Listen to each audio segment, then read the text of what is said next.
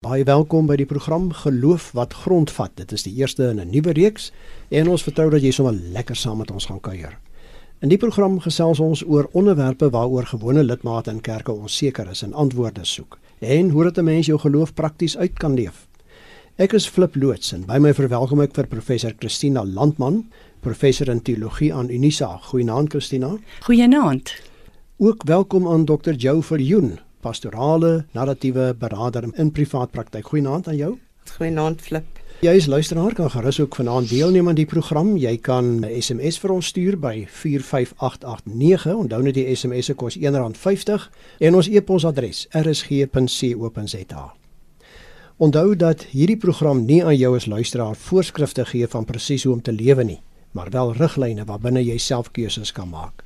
En RSG stem ook nie noodwendig saam met die opinie van enige persoon wat aan hierdie program deelneem nie. 'n Jong mens sê nou die dag, dwelmmisbruik is soos om Russiese roulette te speel met jou lewe. Jy het geen idee waarmee jy deurmekaar raak nie. Volgens die jongste verslag van die Suid-Afrikaanse Nasionale Raad teen Alkohol en Dwelmmisbruik is daar jong mense so jonk as 9 jaar wat dwelms misbruik, terwyl sowat 12% van alle skooliere in een of ander stadium een van die volgende dwelms gebruik het: kokaine, Mandrax of selfs heroïne. Die vraag is, wie doen iets hieraan? Het die kerk dalk 'n plan om dwelmverslaafdes te help? In geloof wat grondvat gesels ons vanaand hieroor. Kom ons kop sommer af met jou, Joe. Ons praat so maklik van dwelms en dwelmverslawing, maar wat presies word daarmee bedoel? Is dit byvoorbeeld dieselfde wanneer iemand iets soos heroïne gebruik en dan miskien aan die ander kant weer gereeld pynpille drink? Flippe dwelm is enige middel wat 'n persoon gebruik waarsonder hy of sy nie kan funksioneer nie. Wanneer die persoon nou sou ophou om dit te gebruik, beleef hulle 'n ongemaklike en soms selfs lewensbedreigende fisiese en emosionele onttrekking. Aangesien die liggaam aangepas het by die substans en dan die afwesigheid daarvan erken. Of dit nou heroïne is of dagga of sigarette of alkohol of kokaine. Ja, dis almal bedwelmende middels. Ook natuurlik middels wat vrylik oor die toonbank gekoop kan word by apteke, soos pynpille en hoesmedisyne. Daar's 'n sweter heelmiddels waaraan mense afhanklik kan word. Christine, ons praat vanaand oor dwelms en die kerk. Wat verstaan ons onder kerk? Gee vir my definisie. Wie of wat is dit? Wel 'n kort definisie van kerk, Philip, is gewone gemeenskap van gelowiges.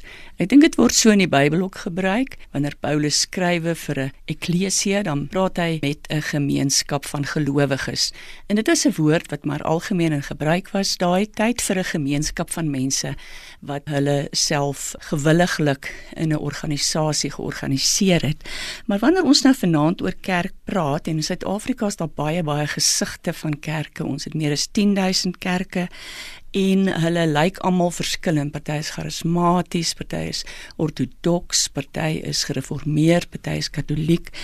Wat nogal belangrik is vir ons gesprek vanaand is as ek net miskien in leiding twee dinge kan noem. Een is studies het nou bewys dat kinders wat op dwelms is, minder kerk toe gaan is nou nie so aardskuddend nie. Ek dink ons het dit almal geweet. So daarom is dit baie moeilik om hierdie kinders te bereik vir die kerk omdat hulle gewoon hulle self isoleer van die kerk. En die tweede feit wat ons nou maar ongelukkig ook in die oë moet staar, is dat 'n kind met Christelike ouers of kerkgaande ouers is net so vatbaar om aan dwelms verslaaf te raak as enige ander kind. Want in die ou tyd dink ek hierdie kerk en die ouers was hulle twee van die groot invloede op 'n kind se lewe, maar is nie meer nie. Daar's nou ander invloede wat baie sterker as die kerk en die ouers is. En dis in hierdie situasie waar ons nou vanaand moet praat oor kan die kerk kinders help, ouers help wie se kinders op dwelms is. Jou, maar waarom is dwelms so aantreklik vir baie jong mense? Waar kry hulle dit? Dwelmmisbruik is 'n manier van ontsnapping uit ongemaklike situasies. Maar jong mense gebruik alkohol en dwelms om meer pret te hê as wat hulle normaalweg sou kon hê. Alkoholgebruik het natuurlik elke feesviering, elke vakansie, elke partytjie, elke lang naweek, elke Kersfees en Paasfees binne gedring en gekaap en dwelms is kort op alkoholsake. Waar kry hulle dit mense? Dwelms is oral beskikbaar in elke buurt, Elke kerk, elke skool, in elke organisasie is daar iemand wat iemand ken wat jou in 'n oogwink sal kan help met 'n kontak. So ongelukkig is dit 'n alom beskikbare probleem. Christina, jy is nie net in die akademie nie, maar jy is ook predikant in die Verenigde Gereformeerde Kerk. Dink jy die kerk en ek praat nou nie net van die VGK nie, ek praat meer in die algemeen. Dink jy die kerk is op hoogte met die probleem van dwelmmisbruik veral onder die jeug? Weet jy Flip, dis geweldig moeilik vir die kerk of vir enige gemeente om op hoogte te kom met hoeveel kinders op dwelms is en hoe erg die dwelm blootstelling en gebruik is in 'n gemeente. Daar's nou onlangs 'n paar studies gedoen vanuit kerklike kant af met 'n groot groep jong mense om te probeer bepaal hoe blootgestel is hulle en daar's gevind dat kinders tussen 12 en 16, 25% van hulle is daar al 'n dwelm aan hulle aangebied en dat 10% daarvan dit nou gebruik. En tussen die ouderdom van 17 en 30, 50% van hulle al blootgestel is aan dwelms in die sin dat dit vir hulle aangebied is om te koop en dat 25% dit dan gebruik. 25% van kinders wat 'n kerklike lidmaatskap het wat aan 'n kerk verbonde is. En maar eintlik dink hulle dis 20 keer erger is dit. Want jy weet jy kry wat jy in Engels noem over reporting jy sê goed wat jy wil hê die dominee of wie ook al die ondersoek doen moet hoor. So die kerk kan nie regtig sê hoe ernstig die probleem is nie vir hulle eie lidmate vir kinders wat lidmate van 'n kerk is nie maar ons weet wel dat die afgelope 10 jaar het dit verdubbel. Dit is baie erg maar ons kan dit nie weet nie. Dis amper 'n no name problem. Dit is RSG met die program geloof wat grondvat en ons gesels vanaand oor kan die kerk hoop gee aan kinders op dwelms? My gaste is professor Christina Landman en Dr Jou Viljoen Jy's luisteraar kan gerus saamgesels. Jy kan ons SMS nommer gebruik 45889. Onthou net die SMS se kos R1.50. Of jy kan ons per e-pos kontak by rsg.co.za. Joe, die sangeres Madonna, sing in een van haar liedere Papa Don't Preach. Dit lyk so half in reaksie teenoor dominees wat aan die kansel of dinge sê vir jou en jy moet maar luister. Nou uit jou ervaring, stuur jong mense hulle nog aan wat die kerk te sê het, veral oor dwelms en dwelmmisbruik. Ek glo regtig flip dat jong mense hulle self sal stuur. Maar ek wonder of die kerk deesdae relevant praat oor die gevare van dwelms en alkohol. Dit help regtig nie om jong mense die skrik op die lyf te jaag met die ewige vuur en hulle daarmee te dreig nie of om dwelmgebruik en alkoholmisbruik oor die boeg van sonde en skaamte en skande te gooi nie. Wat wel baie suksesvol is, as die kerk dan mense kan uitnooi wat wel hierdie pad gestap het en dit suksesvol deurgeloop het en dan nou bevry is van die dwelmprobleem. As kerke dit kan fasiliteer, dit spreek nogal tot die jong mense en dit gaan die ouers ook baie help om die probleem raak te sien. Maar hoe doen die kerk dit? Christina, tot watter mate dink jy reik die kerk genoegsaam uit na gesinne waar daar dwelmprobleme voorkom? Ek praat nou van oud en jonk, né? Ja, ek wil 'n voorbeeld noem. Sien maar 'n ouer sou na jou toe kom as dominee en hy sê vir jou, weet jy, ek het nou uitgevind my kind is op dwelms En dis verskriklik vir my ek het hom dan so goed groot gemaak. Wat het nou gebeur? Asseblief, hy het nou erken dat hy dit gedoen het. Dominee, asseblief sal jy met hom praat. Die volgende dag dan kom hy daarin en sê, weet jy, hy het gisteraand 'n mes uitgepluk. Hy wil geld hê. My vrou sê ek moet hom slaan, maar ek kan tog nie die kind slaan nie. Sy sê hy's net stout en hy het ook nou besluit hy gaan nie kom nie. Nou, weet jy wat 'n magtelose gevoel is dit? Hoe hanteer jy dit? Volgende ding besoek jy daai kind in die hospitaal, dan sit hy in 'n reistool of so as jy hom nog in die hospitaal kan kry. So dis 'n geweldige moeilike probleem. Die probleem is natuurlik geld. Jy weet, om so 'n kind se versorging oor te neem is amper onmoontlik. Ons probeer saam met die skole te werk, maar in Suid-Afrika is daar regtig nie eintlik 'n plek waar jy so 'n kind kan stuur nie. Iemand vertel my dat hulle vir hulle kind so 'n plek gesoek het, net 'n veilige plek waar daai kind kan voel hy word nie veroordeel nie, waar hy net kan oornag en uiteindelik ook hulp kan kry. En sy sê sy het baie kerke gebel en die kerke gee net vir haar name van instellings wat duur is wat hulle nie kan bekostig nie.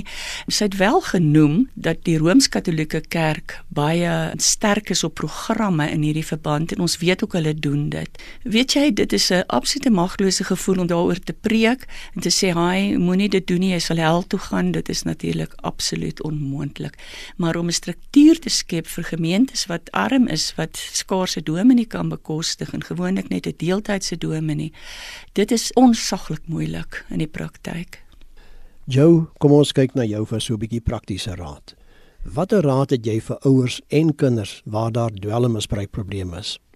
Ek hoor Christina se magteloosheid.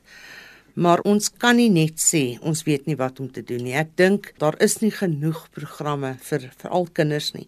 Ek weet nou van 'n 11-jarige seentjie wat op straat woon, gebruik al van die ouderdom van 5 af dwelms.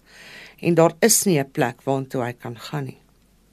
Ek dink ons moet vir ouers moed inpraat en sê tree vinnig op. Tree vinnig op, skop 'n groot bohaai op. Maak seker mense hoor jou. Die dominee, die dokter, die psigiater, die naaste rehabilitasiesentrum. Moenie ophou soek totdat jy iemand gekry het om julle te help nie want dwelms is 'n gelyke geleentheidsverwoestingsprobleem. So groot woord, equal opportunity destroyer. Daarby bedoel ek dis nie beperk tot enige groep of enige inkomste groep nie. Oud en jonk, ryk en arm, lank en kort, vet en maar, kind of kraai, dwelmverslawing kan met jou of jou kind gebeur. Moenie dink dit gebeur nie met julle nie. Jou net sommer so vir interessantheid, hoe weet ek my kind gebruik dwelms? Is daar tekens waarna ek kan kyk? Ja. Jy sal dadelik agterkom dat die kind se gedrag verander, dat die kind meer isoleer, dat die gedrag tot 'n mate aggressief raak soos Christina verduidelik het. Baie keer raak goed weg in die huis, waardevolle goed wat na die pandjieswinkel toe geneem word vir dwelmgeld.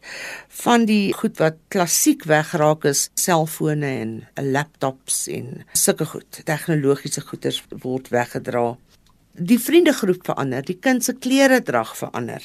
Die kind se taal verander want die kind word in 'n groep opgeneem waar ander waardes geld as die waardes in die huis. Christina, wat doen die kerk met betrekking tot die probleem van dwelmmisbruik? As jy nou 'n plan van aksie moet optrek vir die kerk, veral onder jong mense en ouer mense, word daar genoeg gedoen en wat kan hulle doen? As ek nou meer tyd het en ek moet meer tyd maak, sal ek byvoorbeeld in die gemeente ondersteuningsgroepe stig van ouers veral en dan nie probeer om dit alles self te hanteer nie, maar regtig mense te vra soos Joe om pro bono te kom en mense in te lig oor hierdie verskynsel en hoe hulle dit kan hanteer. Kyk, dis nie 'n ding waarvoor daar 'n quick fix is nie. Dis 'n ding waarmee jy 'n pad moet stap. Maar ek dink as mens begin met ondersteuningsgroepe, kyk, dis ook nie 'n ding wat jy vir die kind kan sê man ruk jouself nou reg en jy het regtig professionele hulp nodig. As ons net in gemeentes en gemeentes kan in ringe saam staan om hierdie goed te doen om mense te kry om daaroor te praat dat jy nie voel jy's alleen nie en dat jy ook ook nie, jy weet dink jy kan dit regkry deur die kind te hok of te slaan of te of weg te jaag. Dit is uh, jy dink jy ek jaag jou nou weg, jy gaan bly op die straat dan sal jy sien is nie lekker daar nie, dan sal jy nou ophou met dwelms en dan sal jy nou terugkom nie. So dit is maar die klein druppeltjie wat ek self in 'n emmer kan gooi. Ek hou daarvan Christina dat jy sê die dominee in die kerk weet nie alles nie. Hy kan nie alles doen nie, maar hulle moet kundiges inkry soos jou, nê. Ek dink dis 'n baie belangrike ding. Dit is RSG met die program Geloof wat grondvat. Ons gesels vanaand oor kan die kerk hoop gee aan kinders op dwelms. My gaste is professor Christina Landman en Dr. Jo Viljoen. Onthou dat jy as luisteraar heerlik kan saamgesels as jy wil, gebruik die SMS nommer 45889. Ons hoor graag jou opinie. Onthou net die SMS se kos R1.50. Jo, die dwelm misbruik probleem. Is dit net beperk tot sekere groepe mense en sekere inkomste klasse? Definitief nie daar is die verskynsel dat mense glo dit gebeur net aan die ander kant van die draad. Glo my, dit gebeur oral. Aan hierdie kant en daai kant van die draad. Die probleem van dwelms en alkohol het nie 'n keuse. Hulle stel nie belang in hoe ryk of hoe arm jy is of watter kleur jy is of in watter kerk jy is nie. As alkohol en dwelms een persoon kan hak in die familie, vernietig hy eintlik 'n familie. En 'n paar families in 'n gemeenskap dit tref die hele gemeenskap. So dis 'n probleem wat gemeenskappe vernietig. Ek wil dit baie duidelik stel, dit is nie 'n probleem wat net by sekere groepe plaasvind nie. Nou Christina, hoe kan die kerk die probleem van dwelmmisbruik ten beste hanteer? As prediking nie meer help nie en as ons nie meer mooi weet presies hoe om dit te hanteer nie, wat kan ons doen? Nou met te begin weet ek nie of mense daaroor kan preek nie. Dat jy kan preek is boodskap van uitnodiging na mense wat probleme het en wat dit miskien dan in 'n situasie wil bespreek waar dit nie vir hulle skandelik is nie, waar hulle met integriteit dan probleme, hulle en hulle kinders se probleme met integriteit gepreek kan word. Kan jy nou voorstel as ek nou van die preeksloof sê, ons weet nou oom Hansie se seun is nou op drugs en hy wil ook homself nie regruk nie. Kom ons bid nou almal vir hom. Jy kan jou voorstel dit sal verskriklike chaos afgee. Dit is 'n probleem omdat dit gaan oor nou maar die Engels honor and shame want die ouer dink dat hy gefaal het, hy of sy gefaal het dat 'n mens dan regtig 'n veilige ruimte moet skep om hierdie probleme aan te spreek. En jy moet as predikant dan vir mense wys dat jy nie veroordelend teenoor hierdie probleme staan nie, dat jy kan help deur ander experts in te roep, dat ons met mekaar hierdie probleme kan bespreek net as ons bereid is om dit te doen, dat dit gehanteer sal word in geheimhouding en met absolute respek.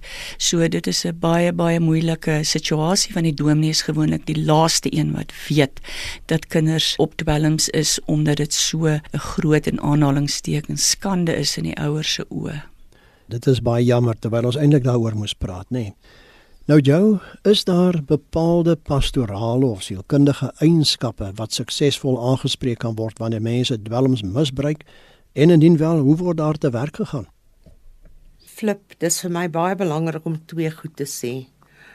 100% van mense wat worstel met afhanklikheid, het trauma beleef. Maar 100% van mense wat trauma beleef het, word nie noodwendig slawe van dwelms of alkohol nie.